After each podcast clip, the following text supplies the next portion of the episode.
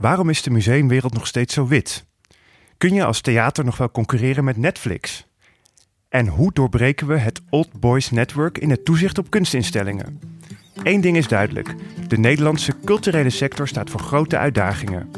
Erlenmeyer, vernoemd naar het transparante proefglas, is het laboratorium waar we samen met nieuwe denkers en doeners op zoek gaan naar het antwoord op deze vragen. Want wij zijn van mening dat het debat in de cultuursector nog te vaak door dezelfde mensen gevoerd wordt.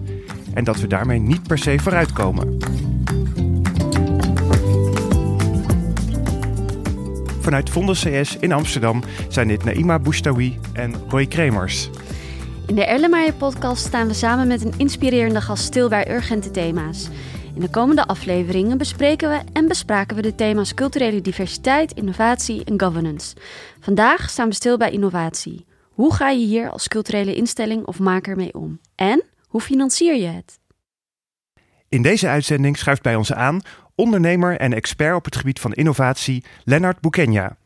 Tijdens zijn carrière vervulde hij diverse commerciële rollen op het gebied van marketing en innovatie. Onder andere bij KPN met een eigen corporate start-up en bij het mediabedrijf Sanoma, waar hij werkte als directeur van het Innovatielab. Sinds 2016 is hij partner bij Aim for the Moon, een bedrijf dat corporates helpt om het innovatieproces te versnellen door middel van ondernemerschap. Lennart, welkom. Welkom. Ja, bedankt. bedankt dat ik er mag zijn. Ja, vinden wij ook hartstikke leuk. Hey, um, net als onze eerste gasten heb jij ook een, uh, een nummer uitgekozen. En daar gaan wij nu even eerst naar luisteren.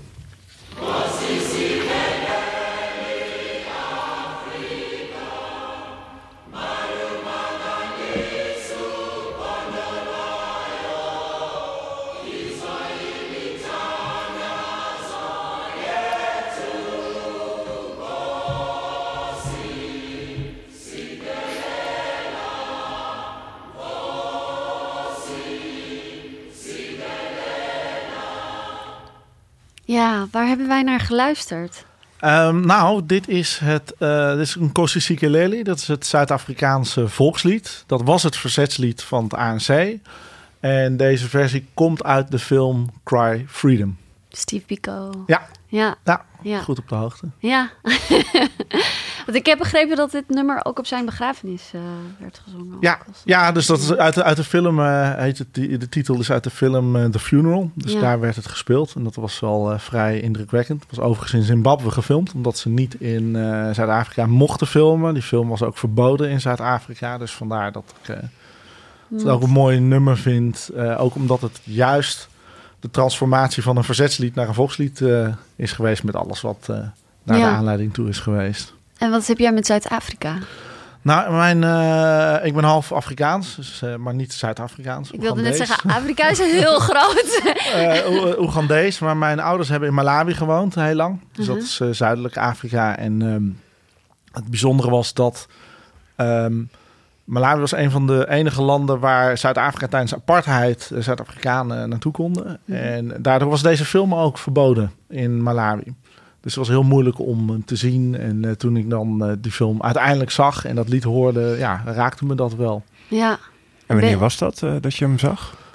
Oeh, dus ik ben al een beetje oud, die film ook.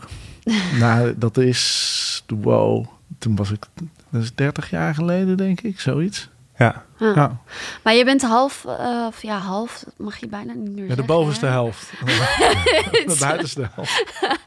maar uh, je vader of je moeder is Oegandees? Welk, welk uh, mijn vader. Mijn vader is overleden, maar die ja. Ja. was Oegandees. En dan ben je geboren? ik ben in Bennekom geboren. Bennekom, oké. Okay. Nou, lekker Nederlands. Lekker Nederland, ja. Want kun je wat meer vertellen over jouw ouders? Wie zij zijn, hoe ze elkaar hebben ontmoet? En... Heb je even? Ja. um, mijn ouders hebben elkaar in Egypte ontmoet. Mijn moeder was daar met een vriendin aan het rondreizen. Uh, mijn vader is daar, moet ik het goed zeggen, per ongeluk gaan studeren. Dus die zou vanuit Oeganda naar Griekenland gaan om daar te studeren. Onderweg op het vliegtuig hoorde hij dat je als moslim een beurs kon krijgen in uh, Egypte. En hij heet Jozef. En dacht, nou, als ik dan zeg dat ik Yusuf heet. Dus daar kwamen 13 man uit het vliegtuig in plaats van 12. Maar daar hadden ze niet op gelet. En toen is hij daar gaan studeren. Wauw. Hij hoefde niet de geloofsbeleidenis als proef. eh. Nou, dat, dat, eh, zo viel hij door de mand. Oh. Dus eh, op een gegeven moment zeiden ze... joh, je bent wel heel weinig in de moskee. Dus hoe, hoe zit dat? En toen, nou ja, toen kwam eh, De aap uit de de mouw. aap uit de mouw. En ja, ja En wat, wat ging hij eh, studeren? eh, tandheelkunde. Oké. Dus hij is tandarts geworden. Ehm maar tandheelkunde en, heeft je, en je, je moeder was daar op, eh, dus op vakantie? Ja, En reis. toen ehm, Ja. je vader meegenomen naar Nederland of hoe? Eh, ja, zo, ja, ze zijn verliefd geworden, eh, getrouwd. Mijn vader moest daar nog studie afmaken, dus die is daar toen gebleven. Dat is niet zo snel gegaan, hij heeft een paar jaar tussen gezeten. Dus mijn vader is daar toen gebleven. Toen ben ik geboren in Nederland en toen is mijn vader later naar Nederland gekomen. Oké. Bennekom. Bennekom, En, jouw vader is ook naar. Bennekom eh, eh, verhuisd ook. Die ja, toen zijn we naar de het, eh, grote stad, Ede, verhuisd. Ja. En daar een paar jaar gewoond en toen in Utrecht voornamelijk. Ja, ja, ja, ja. Hoe was het opgroeien in Ede? En Nou ja, ik ben uiteindelijk voornamelijk in Utrecht opgegroeid in die tijd. ja. Dus, eh dus Ede kan ik me niet zo heel veel meer van herinneren. Maar Ut- Mm. ja, Utrecht was, vond ik heel leuk. Dus ik heb daar met veel plezier eh, rondgewandeld, zeg maar. ja. Het was toen al best wel multicultureel, denk ik. Toch? In welke... Eh, ja, op een of andere manier woonde de, de, de, de voorzitter van de Centrumpartij woonde achter Oh. ons. Dus dat was ook interessant. ja. Ehm, en ik zat op een hele bijzondere school. Een heel, je hebt de, de vrije school. Dan heb je nog nog vrijere school, waar je echt niks hoefde te doen. Nou, daar zat ik op. Oh, ja. En dat, had, eh, dat zorgde ervoor dat er heel veel verschillende mensen zaten. Ik geloof dat iedereen in het buitenland had gewoond. En eh, er zaten allemaal Oh, ja. Krishna mensen en commune mensen en van alles en nog wat. En Ja. waren de hele dag aan het bedenken wat we gingen doen. Dus ik had de truc gevonden om ja. verhaaltjes te schrijven en dan beginnen met de tekening. En dan het verhaaltje kwam wel later of tekenen. Dus nou, zo kon ik mijn dag wel vullen. Hm. En dat was de basisschool. Dat was de basisschool. Ja. Ben je naar de middelbare school gegaan? Wat Ja. ging je doen? Nou, toen zijn we nog naar Afrika verhuisd tussendoor. Dus toen, Oh. eh, toen ben ik in aanraking met regels gekomen. En waar? In Afrika? Malawi. Malawi wel. Ja. Ja, oké. Eh, dus daar zat ik op een Engelse school. Dan moest je een schooluniform aan. Dan moest je elke ochtend eh, goedemorgen zeggen tegen de juf met z'n allen. Zo, allerlei, verandering. eh, allerlei andere capriolen die, eh, die mij een beetje vreemd waren. Maar eh, dit- ja, het ging op zich oké. Ah. Even aanpassen voor hun en voor mij. Ja, hoe was dat? Ehm, nou ja, het was verhuizing überhaupt op die leeftijd? Want hoe oud was je? Ja. Tien, oké. tien. Dus eh nou, het verhuizen was natuurlijk één groot avontuur. We gingen daar Ja. ehm, net buiten de stad wonen. Dus dat was eh, niet zoveel elektriciteit. Eh, er was niks. Ehm, in vergelijking tot de, de, stad Utrecht, waar heel veel was. Eh, maar uh, super gaaf. Had hele grote tuinen. Dat was één groot oerwoud. Dus dat was één ontdekkingsreis aan zich. Er zijn nog steeds plekjes die ik niet meer weet in de tuin. Dus dat was, dat was heel leuk. En school was, ja, was even aanpassen, want ik sprak geen Engels. Dus eh, toen moest ik ook even bedenken, hoe gaan we dit, eh, dit fixen? En ja, vooral als er dan heel veel regeltjes zijn en ze begrijpt ze niet. Ja. Eh, om twee redenen, de taal en één, wat zijn regels. ja. Eh, was dat wel een uitdaging. Maar ik denk dat het voor de leraren meer een uitdaging was dan voor mij. Want, want ging, je, ging je alleen eh, of met je ouders eh, naar Malawi of had je nog... ik heb een, eh, een broertje, Oké. dus we Ja. gingen met z'n vieren. En op die, eh, die school, dat was een internationale school? Of... Ja, ja, Ja, dat was een ja. internationale school. Met eh, v- ja, van alles. Een Malawianen, eh, eh, heel veel Indische, Indiaanse kinderen, Engelse kinderen, Ja. Nederlandse. En waarom ben je, zijn jullie verhuisd naar Malawi? Eh, voor werk. Dus mijn vader die ja, was afgestudeerd. Die heeft volgens mij voor de universiteit gewerkt toen. En toen kwam er via Memisa de opportunity om naar Afrika te gaan. En eigenlijk mijn moeder zag dat. En die wist dat mijn vader wel heel graag eh, eigenlijk wel weer in Afrika wilde zijn. En dit was een manier om dat te doen. Dus zo, eh, zo het geschieden. Oké, En, hoe, en hoe lang zijn jullie daar eh, gebleven? Of, want je kwam daarna weer terug naar Nederland? Ja, ja dat is weer een ingewikkeld antwoord. dus ik ben, eh, ik ben eh, op mijn twaalfde, twaalfde ja, middelbare schoolleeftijd ben ik weer naar Nederland gegaan. Toen eh, naar Ede. Dus daar een middelbare school, daar kan ik je wel heel veel over Ede vertellen. Oh. Ehm, en mijn ouders zijn daar gebleven.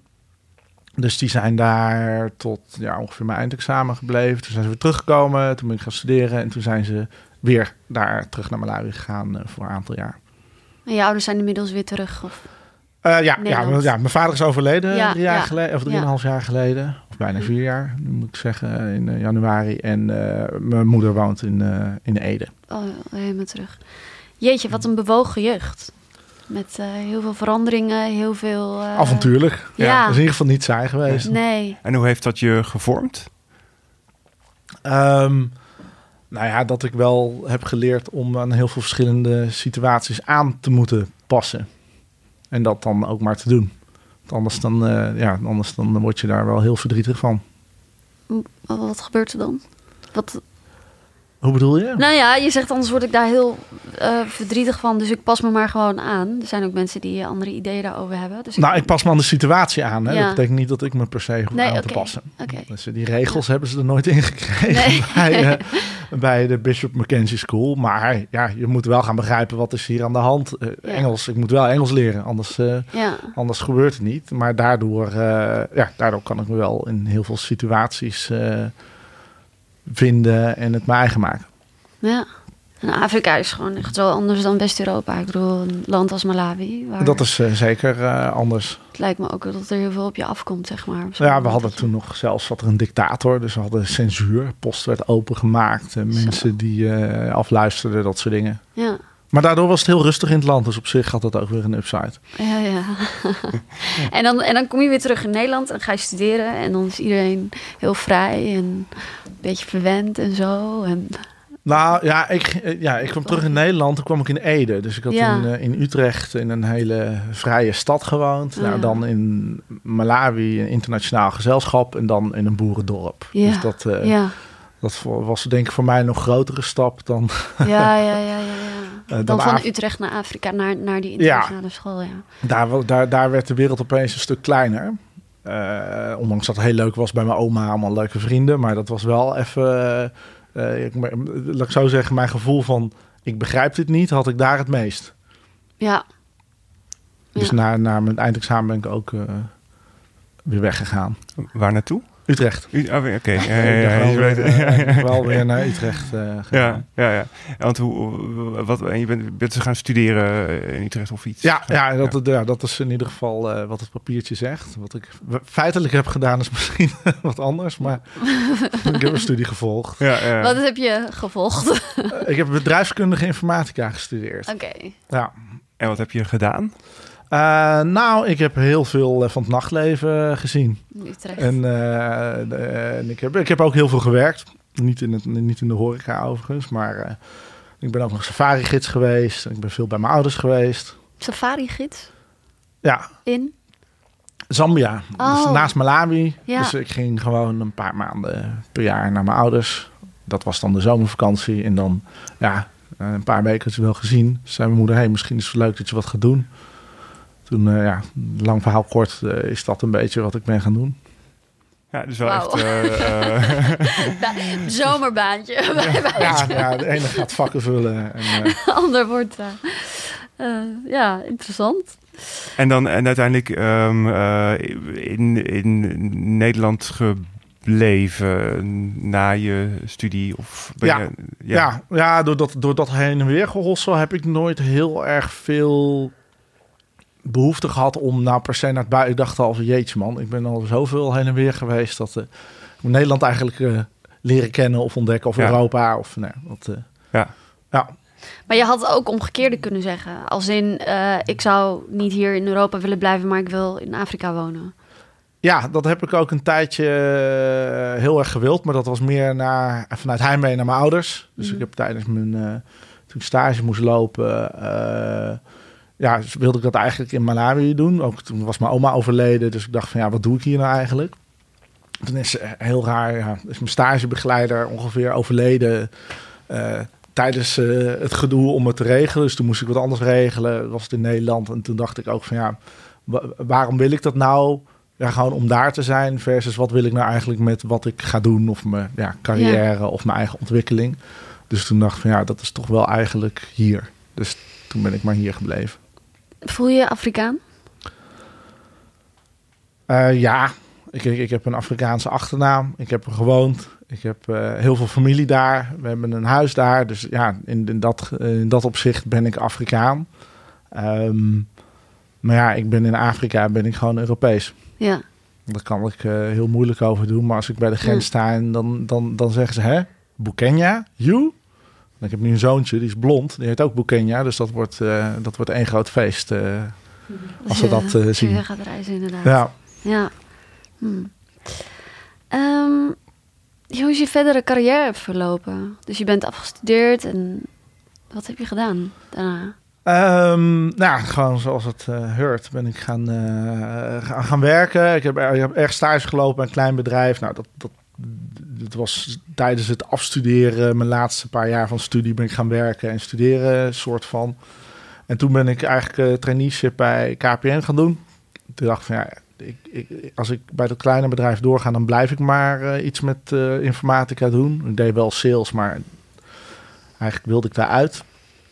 Ik dacht van nou, dan ga ik bij groot, ik wil wel met iets met techniek, maar niet eh, dat dat het enige is wat ik daar kan en moet doen. Mhm. Dus ik zeg nou, maar een groot bedrijf, traineeship zorgt voor eh, allerlei andere mogelijkheden. Dus daar ben ik, eh, ja, daar ben ik begonnen. Had ik een, werd ik een soort handelaar in internationaal telefonieverkeer. Wat heel leuk was, want daarvoor moest je ook heel veel naar het buitenland reizen. Dus dat was wel, wel gaaf. En eigenlijk heb ik wel door dat geschuif altijd iets aan overgehouden... dat ik liefst in het buitenland ben, omdat ik er hoor... in plaats van dat ik een toerist ben. Dus als ik voor werk ben, dan hoor je er. Dus nou, dat vond ik leuk. Toen heb ik daar eh, de kans gekregen om een eigen start-up eh, te starten binnen KPN. Dus dat was eh, denk ik 13 jaar geleden. Mhm. Een datingdienst op je mobiele telefoon met mensen in de buurt. Ja, dat heb ik gelezen inderdaad. Kun je er wat meer over vertellen? Ja, Want het is, dit is niet een Tinder of zo, of een Happen. Nou ja, voordat die er waren, de- heb ik het ook gedaan. Ehm, ja, dat was, dat was een idee vanuit een wedstrijd eh, onder High Potentials van KPN. En ik had wel zoiets in mijn hoofd gehad. En een jongen had dat als idee ingediend. Dus ik zei van, hey, gaaf, ik heb er ook over nagedacht. Zullen we dat samen doen? En zo is dat een beetje uit de hand gelopen. Want toen hebben we gewonnen. Toen mochten we inspiratiereis doen. Toen zeiden ja, maar wij willen dit als business doen. Dus hebben we Mhm. iemand zo gek gekregen om dat te funden binnen KPN. En zijn we het gaan doen. Eh, het lastige was, er was nog geen iPhone. En geen app. Eh, er was geen app. Eh, de lo- locatie was nog iets van, huh, weten ze waar je bent? Dus ik een hele gesprekken met legal gehad over wat moet er dan en waarom. En uiteindelijk hebben we het binnen, eh, nou, ja, ik denk binnen een half jaar uit de grond gestampt. We hadden ook best wel, geloof tegen de 10.000 klanten in no time. Wel lastig is als ze over heel Nederland zitten versus op één plek. Dus dat was Ja. even een foutje. Eh, maar toen is het uiteindelijk vanuit strategische keuze vanuit KPN eh, niet eh, doorgegaan. Dus dat was heel jammer. En vooral nou, heel jammer als je nu kijkt hoe groot Tinder, Ja, Tinder en Happen zijn zijn geworden. geworden. Li- Lag het niet aan het idee, maar ja, waarschijnlijk lag het gedeeltelijk aan mij. En ook een beetje naar hoe zo'n groot bedrijf naar innovaties en dit Ja. soort nieuwe dingen kijkt. Zijn er nog eh, mensen getrouwd uit die... Nee, daarvoor 10.000. heeft het net, eh, net iets te kort eh, te bestaan. kort. Ik denk wel dat, eh, nou ja, ik, eh, dat, ja dat, dat, dat kan ik nu wel zeggen. Ik mocht al die berichtjes, die las ik wel. Dus ik denk wel dat een aantal mensen een leuke avond aan over hebben gehouden. Oké. Hey, maar eh, eh, want jij noemde net, eh, het kwam ook door eh, zo'n organisatie als KPN en dat, dat het geen door, hè, dat het zich niet door kon ontwikkelen. Ehm, was dat omdat KPN er niet klaar voor was of omdat het een grote logge organisatie eh, was? Waar, waar liepen jullie toen tegenaan dan? Nou, de, de, het, op zich, wij deden gewoon wat we deden, hadden budget, dus dat ging op zich wel.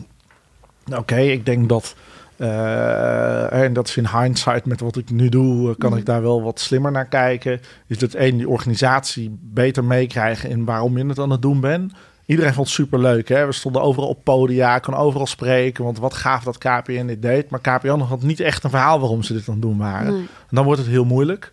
Eh, zij hadden een strategie eh beat the cable.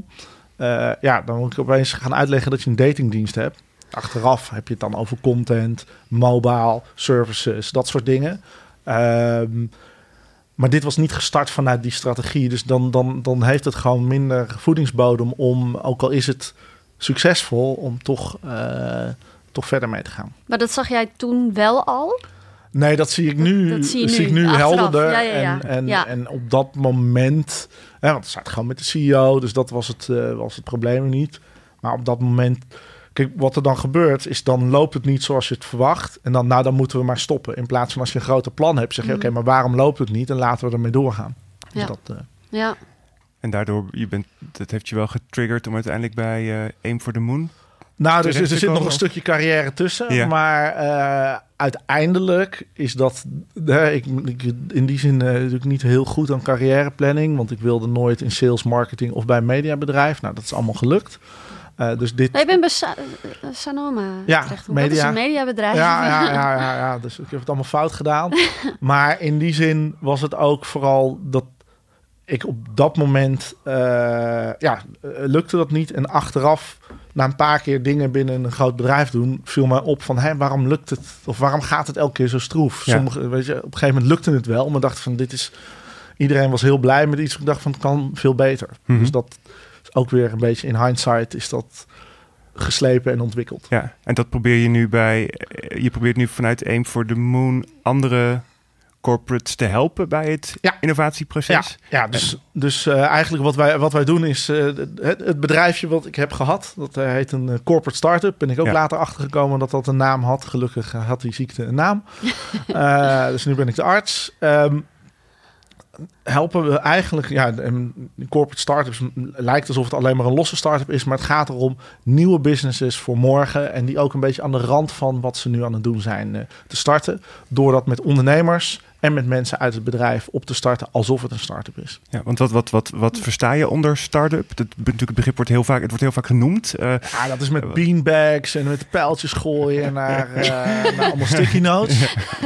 Nee, kijk, uiteindelijk... Met een gast om een tafel. Ja, en, met allemaal wild haar en ruitjes, blokjes over hemden Oh, ja. en uh, Nirvana luisteren. Nee, het is... Uh, kijk, voor ons is er een verschil tussen iets optimaliseren en zoeken naar wat is nou eigenlijk de formule, wat je een businessmodel Hmm. noemt. En dat, dat, dat start-up stuk is die zoektocht naar het businessmodel. Wat is de waarde die we gaan creëren? Wat zijn de assets van het bedrijf die we kunnen gebruiken of hergebruiken? Um, hoe, hoe gaan we geld verdienen? Hoe gaan we klanten binnenhalen? Dat, dat, die hele zoektocht, Mhm. voordat, het een, hè, voordat het echt kan groeien, is dat is zeg maar het start-up gedeelte. Ja. En dat. ehm, eh, en dat binnen, binnen corporates is daar dus vaak ook ruimte voor. Of, Ja, dus, dus de- kijk, er zijn een aantal ontwikkelingen geweest. Hè. Toen, eh, toen ik begon met, met de Ollo, zo heette onze mooie dienst.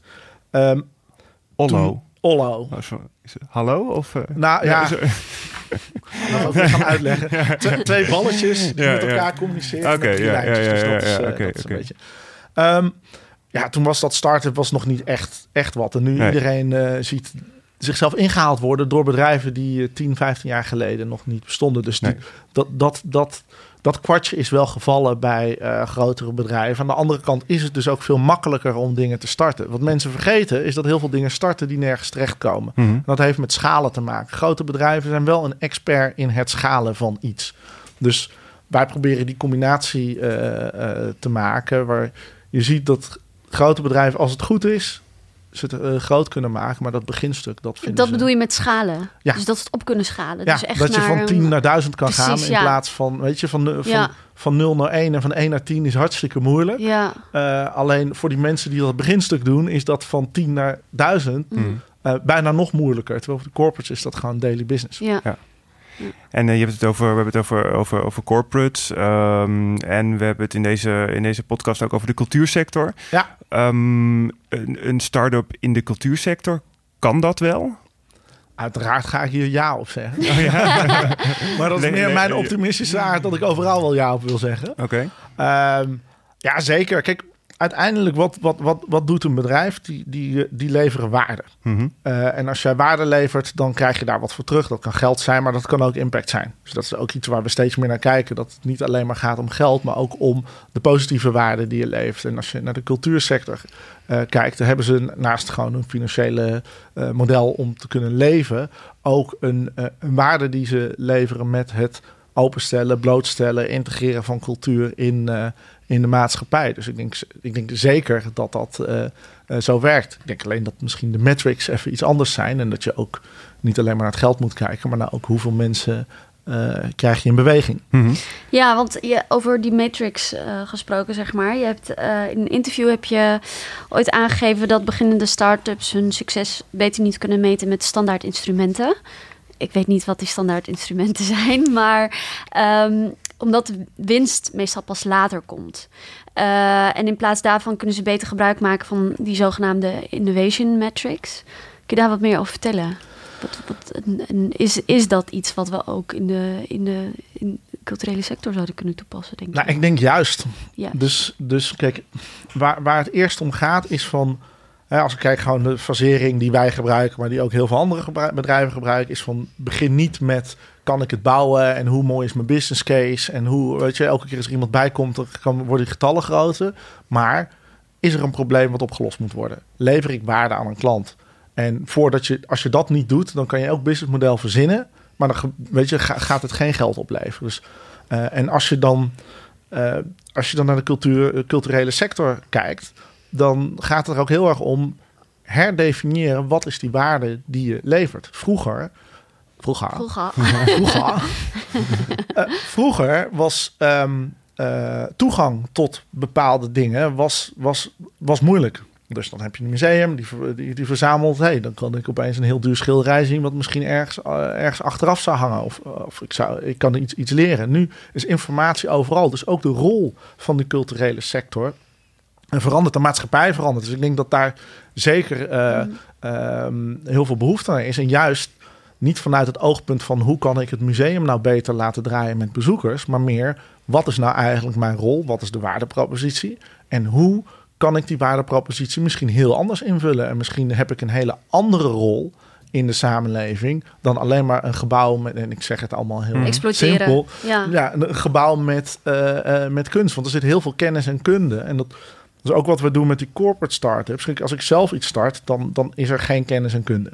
En dan gaan we alles opnieuw bouwen. Terwijl ehm, in, in zo'n museum zit heel veel kennis en kunde, niet alleen maar over, het, uh, over, over de kunst die er hangt, of wat, wat er hangt, maar ook hoe je dat doet, hoe je dat distribueert, hoe je mensen activeert.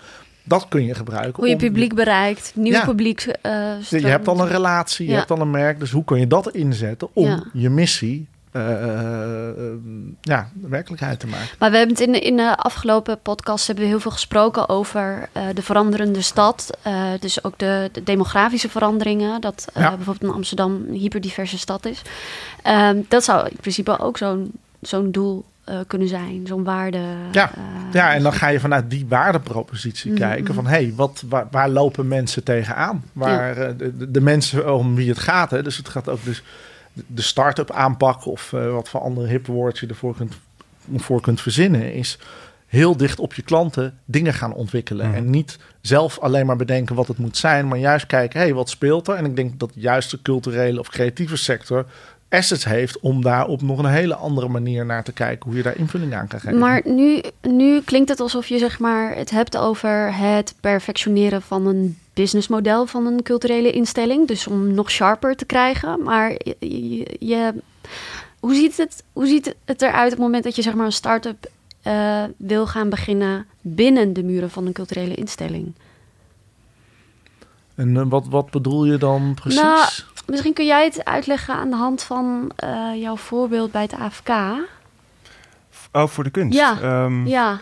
Wat, dat, en, hoe, wat wil je? Wat nou, dat je, dat je zeg maar binnen zo'n instelling zeg maar uh, tot in, innovatieve uh, projecten komt, zeg maar. Ja. Een soort van start-up-achtige binnen ja. zo'n business. Nou, ik denk dat dat, dat, dat, dat, dat heeft voor mij ook te maken met ruimte krijgen. En uh, het ging ook wel over een, een, een concrete vraag. Uh, ooit uh, werkte ik bij het Amsterdam Fonds voor de Kunst. Daar wilden we ondernemerschap stimuleren. En ik ben toen eigenlijk gaan kijken van op wat voor manier kunnen we dat doen. En ik ben eigenlijk zelf toen, ik, was, ik werkte er toen nog niet eens een jaar denk ik. maar ik ging de organisatie bevragen. Meer van, goh, ja, ondernemerschap stimuleren, doen we dat eigenlijk wel? En op wat voor manier kunnen we dat nog meer doen? En toen... Um, um, ja, heb ik wel de ruimte gekregen en zelf ook budget gevonden om daar iets mee te doen. En ik had een plan dat wel hout sneed, uh, wat toen nog ja, dan innovatief was. Um, namelijk uh, een crowdfunding platform waarmee we aan de ene kant ondernemerschap stimuleren bij makers en aan de andere kant publiek willen betrekken bij kunst en cultuur. Um, nou ja, doordat ik daar financiering voor vond, kon ik het denk ik ook makkelijker er doorheen krijgen. Maar je hebt dan wel een directie nodig die dat uh, stimuleert of die daar ruimte voor geeft. Um, en als ik denk ik even om me heen kijk in de cultuursector, zie ik binnen binnen, binnen instellingen niet heel veel van dat soort initiatieven ontstaan. Nou, wat ik wel mooi vind aan jouw verhaal is dat je, hè, zonder dat je het wist, daar hebben we het een keer over gehad, Ja. ben je die stappen doorlopen. En Ja. het begint met een, een, een vraag van het publiek wat je wil bereiken en het doel wat je daarmee hebt. En Ja. Ik denk dat heel veel, hè, voor mijn gevoel, want ik zit niet in een culturele instelling, heel erg kijken van wat ben ik nu en hoe ga ik dat dan beter doen. En dat Mhm. kun je, weet je, je kan een, een beter ticketing systeem en je kan eh, Ja. een, een slimmere route door het museum. Alleen denk nou eens na van wat wil je bereiken en wat wil, eh, weet je, wat zijn belemmeringen van het publiek erin en wat daaruit komt, daar kun je dan wat Ja. mee. En als dat betekent dus een crowdfunding platform of ik moet een betere eh, eh, transportservice hebben, maar dan ben je echt vanuit een probleem en een behoefte eh, iets aan het creëren wat waarde gaat leveren. Ja, nee, dat is wel op zich, als ik nu terugkijk naar die tijd, het was gewoon totaal onbekend wat het zou op gaan leveren. Geen idee. Het was super naïef, vonden we zelf. En ook niet, ja, we, hadden er wel die financiering ervoor gevonden. We, we, we dachten wel van volgens mij moet dit gaan lukken. Maar ik, ik heb ooit in die eerste begroting stond voor acht uur een projectondersteuning per week. Eh, en uiteindelijk werd het acht uur per dag gewoon eh, een, een, dan een eh, fulltime meer. Ja, als je acht uur, 40 uur per week. Zo, het was gewoon een fulltime baan.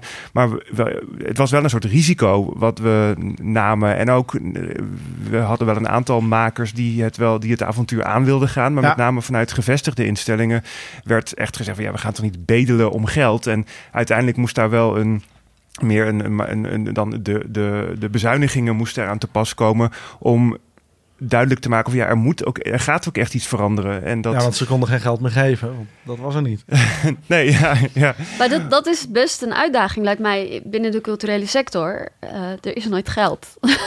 hoe, hoe zie jij dat? Ja, ja ik, ik, denk, ik, ik, ik geloof heel erg in creativiteit door beperkingen. Dus dat, eh, daar, moet, daar moet je gewoon eh, creatief mee omgaan. En er is nooit geld. Dat is wel vanuit de overtuiging dat je eh, subsidies moet hebben.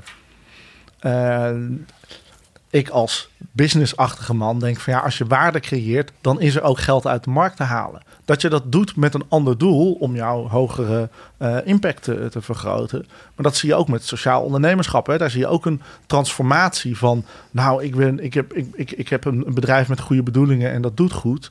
Naar ik, eh, ik heb net met Bas van Abel een eh, interview gedaan. Ik ben met hem in Madrid geweest. En, Wie is Bas van Adel? oh, sorry, van Fairphone.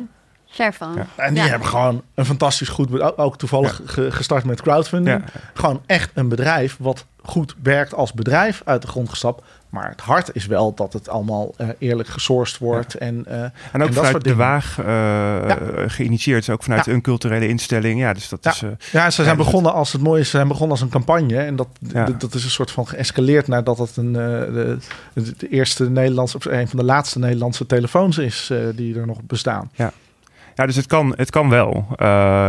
En het, de- maar denk je dan dat, dat subsidie... ehm, is dat dan een rem op innovatie? Of... Nou ja, ik, denk- ik, ik denk dat, dat, dat, dat, dat- maar dit is wel echt heel, heel eh, persoonlijk en misschien niet altijd even goed geïnformeerd, maar dat het je wel ervoor zorgt dat je niet op zoek gaat naar de prikkel waarom lever ik de waarde voor mijn klant, maar hoe lever ik waarde voor mijn subsidiegever, Mhm. die heel ver misschien ook van de markt staat, wel allemaal hele integere en goede doelen heeft, maar het, de, de wedstrijd wordt subsidie binnenhalen. Terwijl de, de markt, daar is gewoon, weet je, daar is gewoon geld. En dan is subsidie denk ik iets heel moois om iets te kickstarten of om de impact groter te maken. Ja. Maar hè, je hebt de term don't fill a leaky bucket. Als je met subsidie een leaky bucket maakt, dan blijf je het er maar ingooien. Ja. Ja. Als je daarmee iets start wat groter en een, een, een katalysator wordt voor een groter iets, ja, Ja. Dan, dan heb je eigenlijk met vrij weinig geld heel veel bereikt. Ja. En anders blijft het maar. eh, Maar hoe ziet dat er dan uit voor een instelling die al jarenlang afhankelijk is van subsidie? ja, die, die, die, daar- die, die moet dan gewoon gaan kijken van hoe kan ik op een andere manier geld eh, aantrekken. En waarvoor ga ik die subsidie dan gebruiken? Ja. Eh, en, en dus daarmee ander waardemodel, ander businessmodel. Kijk, het, subsidie is eigenlijk het, het, het, het omzetdeel van je businessmodel. En wat je gaat zeggen is, ik wil een businessmodel zoeken waar een ander omzetdeel in zit. Sterker nog, ik hoop dat je dan een businessmodel zoekt waar dat omzetdeel eh, niet leidend is voor het succes van mijn, eh, voor de waarde die ik creëer. En natuurlijk zitten er allemaal dingen in die eh, net zoals seed funding voor startups, dat moet wel eerst gefund worden. Maar dat is wel waar, uh, waar ik naar op zoek zou gaan. Ja, dus binnen, binnen die, eh, die middelen. En op zich is dat, uh, dat maakt een mooi bruggetje, denk ik, naar de open call die we hebben uh, uitgeschreven. Of we, dat is dan Erlenmeyer. vanuit Erlenmeyer is er een open call uitgeschreven, waarbij we culturele instellingen of organisaties eigenlijk oproepen, of een kans geven om een innovatietraject te volgen via Aim for the Moon. Jij gaat hen begeleiden. dat is eigenlijk ook met een, we, we geven eigenlijk dan dat, dat traject cadeau um, um, waarmee uh, vanuit een cultureel initiatief of uh, een, organisatie iets opgestart kan worden. Kun je daar iets over, over vertellen? Hoe, hoe, hoe krijgt zo'n traject vorm? Ja, dus wat, wat, we, wat ik al eerder aangaf, is dat wij in een soort van fase werken. En het belangrijkste is eerst wat, is, wat, wat, wat zijn de challenges of de problemen of de uitdagingen bij, bij klanten op dit moment. Dus wat wij in dit traject gaan doen, is door uh, met die teams uh, heel gestructureerd, heel scherp te krijgen van wat speelt er nu op basis van wat we daar dan zien. Uh, concepten bedenken die we dan ook de eerste experimenten doen om aan te tonen van hey, dit, dit zou wat, wat, wat kunnen zijn. Hè? Als ik het even heel heel plat maken. Als ik een idee heb voor, hey, dit is iets waar mensen voor zouden willen betalen, kan ik morgen hiervoor gaan staan en het gewoon aan mensen proberen te verkopen. En dan krijg ik feedback of ze het willen hebben, zonder dat ik daar echt heel veel geld voor uit hoef te geven. Dus dat is een beetje het idee om ook dat soort, want ik hoop dat daar grote ideeën uitkomen. Kijken hoe je die klein kunt starten. Want ik denk dat dat de challenge is. En misschien ook op een paar vragen terug. Dat vanuit subsidies word je ook gedwongen om altijd hele grote dingen te doen. Of juist heel klein. Mm Want dan krijg je een beetje geld of je krijgt heel veel geld omdat je dan een heel groot plan hebt.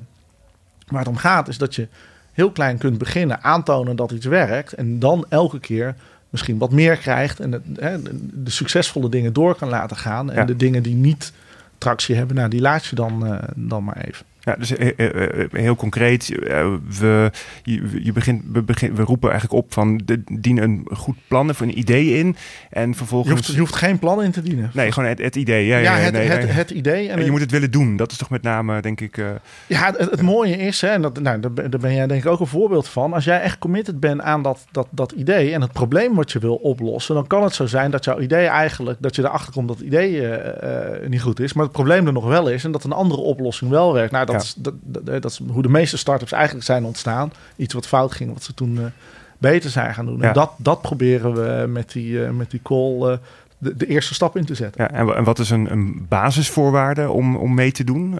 waarvan zeg je van, de, ja, dit, dit, moet je zeker meenemen om überhaupt succesvol te worden in zo'n innovatietraject? Nou ja, je hoeft niet een heel ingewikkeld cv te hebben. Um, dus dat, dat hopelijk stel ik iedereen mee gerust. Het belangrijkste is dat je echt committed bent en gelooft van... hey, dit is een richting waar ik, waar ik een opportunity zie en waar ik echt me aan wil committen om uh, in dit geval ongeveer twee maanden gewoon fulltime te gaan knallen alsof je een start-up uh, bent. Binnen onze start-up studio met allerlei andere ondernemers die uh, aan, aan dingen aan het werken zijn. Dus dat is heel belangrijk van, vanuit jou persoonlijk. Moet jij dan een digitaal platform gebouwd hebben of daar kennis en kunde van hebben? Ja, het is een voordeel, maar dat hoeft niet, uh, hoeft niet per se. Naar de andere kant, vanuit de instelling is het heel belangrijk dat zij juist hun netwerk, kennis, kunde, resources openstellen. Uh, zodat je daarmee sneller kunt gaan schakelen. Want hè, ik ga nu hier uh, voor Vondel CS staan. Maar ja, als ik voor het stedelijk mag staan, als, weet je, dan, dan, dan heb ik nog betere doelgroep te pakken. Oh ja? Even, afhankelijk. op oh, oh, sorry, sorry, sorry, sorry. nou ja, afhankelijk van het idee. Kijk, als ik, als ik een probleem wil oplossen voor de mensen die daar komen, of juist niet, hè, dan ga ik er niet staan. Maar het gaat er meer om dat je dat als ik zelf iets ga doen, dan is het moeilijker dan als ik gebruik kan maken van uh, uh, kenniskunde, toegang, wat er al is.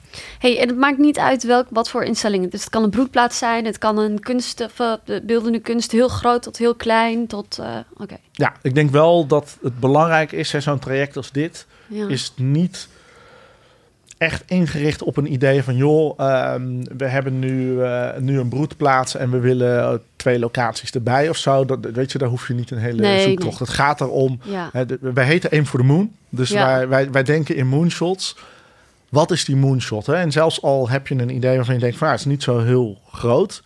Is de, de oefening is heel simpel van ja, maar wat nou als alles kon? Hoe groot zou het dan zijn? Wat, wat wil je nou echt? Nou, dat idee, als je dat indient, is het aan ons om dat terug te filteren en terug te brengen van... hey, wat zou je morgen kunnen doen? Maar die moonshot, dat is iets waar je aan kunt committen. Mhm, mhm. Ja. Nou, Ja, en om het een, een beetje te visualiseren, kun jij een voorbeeld geven van bijvoorbeeld een instelling die, eh, die dit al heeft gedaan, waarvan jij vindt, wow, zij doen het zo fantastisch? Ja, nou, ik weet, de, de, de, de instelling, het, het, het idee bijvoorbeeld vanuit eh, het, het Rijksmuseum om hun collectie open te stellen, hè, wat, wat niet een mega businessmodel heeft, maar wel vanuit hun, eh, eh, hun, hun, hun rol om, om dat soort kunst onder een breed, breed publiek eh, eh, toonbaar te maken en ervoor te, te- gewoon te zien van hey, mensen komen niet alleen naar het museum, maar zijn er ervoor, daarna mee bezig, willen eh, zelf een Rembrandt aan de muur. Hey, in plaats van hoe kunnen we meer kaartjes verkopen, hoe ga ik engagement creëren rondom, eh, eh, ja, rondom eh, de, de collectie. Dus dat vind ik, vind ik een mooi, eh, mooi voorbeeld. Hè. Als ondernemer denk ik van ja, maar je zou nog veel meer dingen mee kunnen doen. Maar ik denk wat daar mooi aan is, is dat je teruggaat naar de kern van wat, wat, wat is mijn rol. En loslaat wat is nu hoe ik die rol invul. Ja, dus echt het, de collectie brengen bij een, een zo gro- groot mogelijk publiek De eigenlijk. Of, geschiedenis eh, van Nederland, ja. iedereen, eh, iedereen daarmee in aanraking brengen en daar een conversatie over, eh, over hebben, dat vind ik wel, eh, vind ik wel mooi. Ja, ja. ja. Ehm, jij gaat dus nu, eh, als het goed is, komen er twee eh, mooie projecten uit deze Ja, zeker na deze podcast. ik hoop, ik hoop het wel. eh, er zijn ook best wel misschien wat luisteraars die te laat luisteren, voor wie de kans voorbij is, want er is een, een deadline. Ehm, wat zou jouw gouden tip zijn voor hen? Van als zij zitten te luisteren en denken van, goh, ik wil eigenlijk ook wel iets, ik wil ook wel innoveren. Wat, wat, wat zou een om tip te zijn? innoveren of om mee te doen aan de... Nee, gewoon want die pot, de, de, de, de sluitingstermijn is verstreken. Je bent Oh, te laat. sorry. Luister, nee, maar maar eh, wat, wat, wat zou jouw gouden tip zijn voor iemand bij een culturele instelling? Van eh, wat, wat eh, innovatie, denk, denk op deze manier en niet op die Nou, manier. ik, ik denk dat de, de, het belangrijkste is, denk niet gelijk dat je alles helemaal perfect hoeft te hebben. Weet je, als jij committed bent aan het idee, denk dan na, wat zou ik morgen kunnen doen om één stapje dichter bij dat idee te komen? Mhm. En voel je dan, en dan is het ook niet erg dat ene stapje, of dat nou lukt of niet. Eh, als het niet lukt, nou, dan leer je ervan en dan ga je weer een stapje verder. Maar heel veel mensen, en zeker vanuit de drive die je hebt, en dat, dat zie je ook wel bij social entrepreneurs, dan moet het gelijk goed zijn. En dat, het moet uiteindelijk goed zijn. Ja. Alleen dingen beginnen bij dingen die niet uiteindelijk perfect zijn. Dus eh, als je dat idee hebt, denk na, hoe kan ik nu een stapje doen om daar één stap dichterbij Ja, te komen? ja. En zo'n idee, eh, zeg je van, dat, dat, dat moet direct aan publieksaantallen gebonden zijn? Of zeg je van begin bij een ander uitgangspunt? Ja, dat, dat vind, ik, ja, vind ik heel moeilijk te zeggen. Want publieksaantallen is een metric die, eh, ja, die, die bij een museum hoort. Ja, of een zo- theater, ja, of, ja, ik denk veel hoeveel mensen komen door het poortje binnen. Mhm. Eh, en, en, en, en idee kan ook zijn dat je een bepaald maatschappelijk gesprek eh, eh, start. En dat dat een beweging eh, eh, te- teweeg brengt. Als dat jouw rol is. Ja. Ja. Dus het gaat heel erg vanuit de, de rol die je...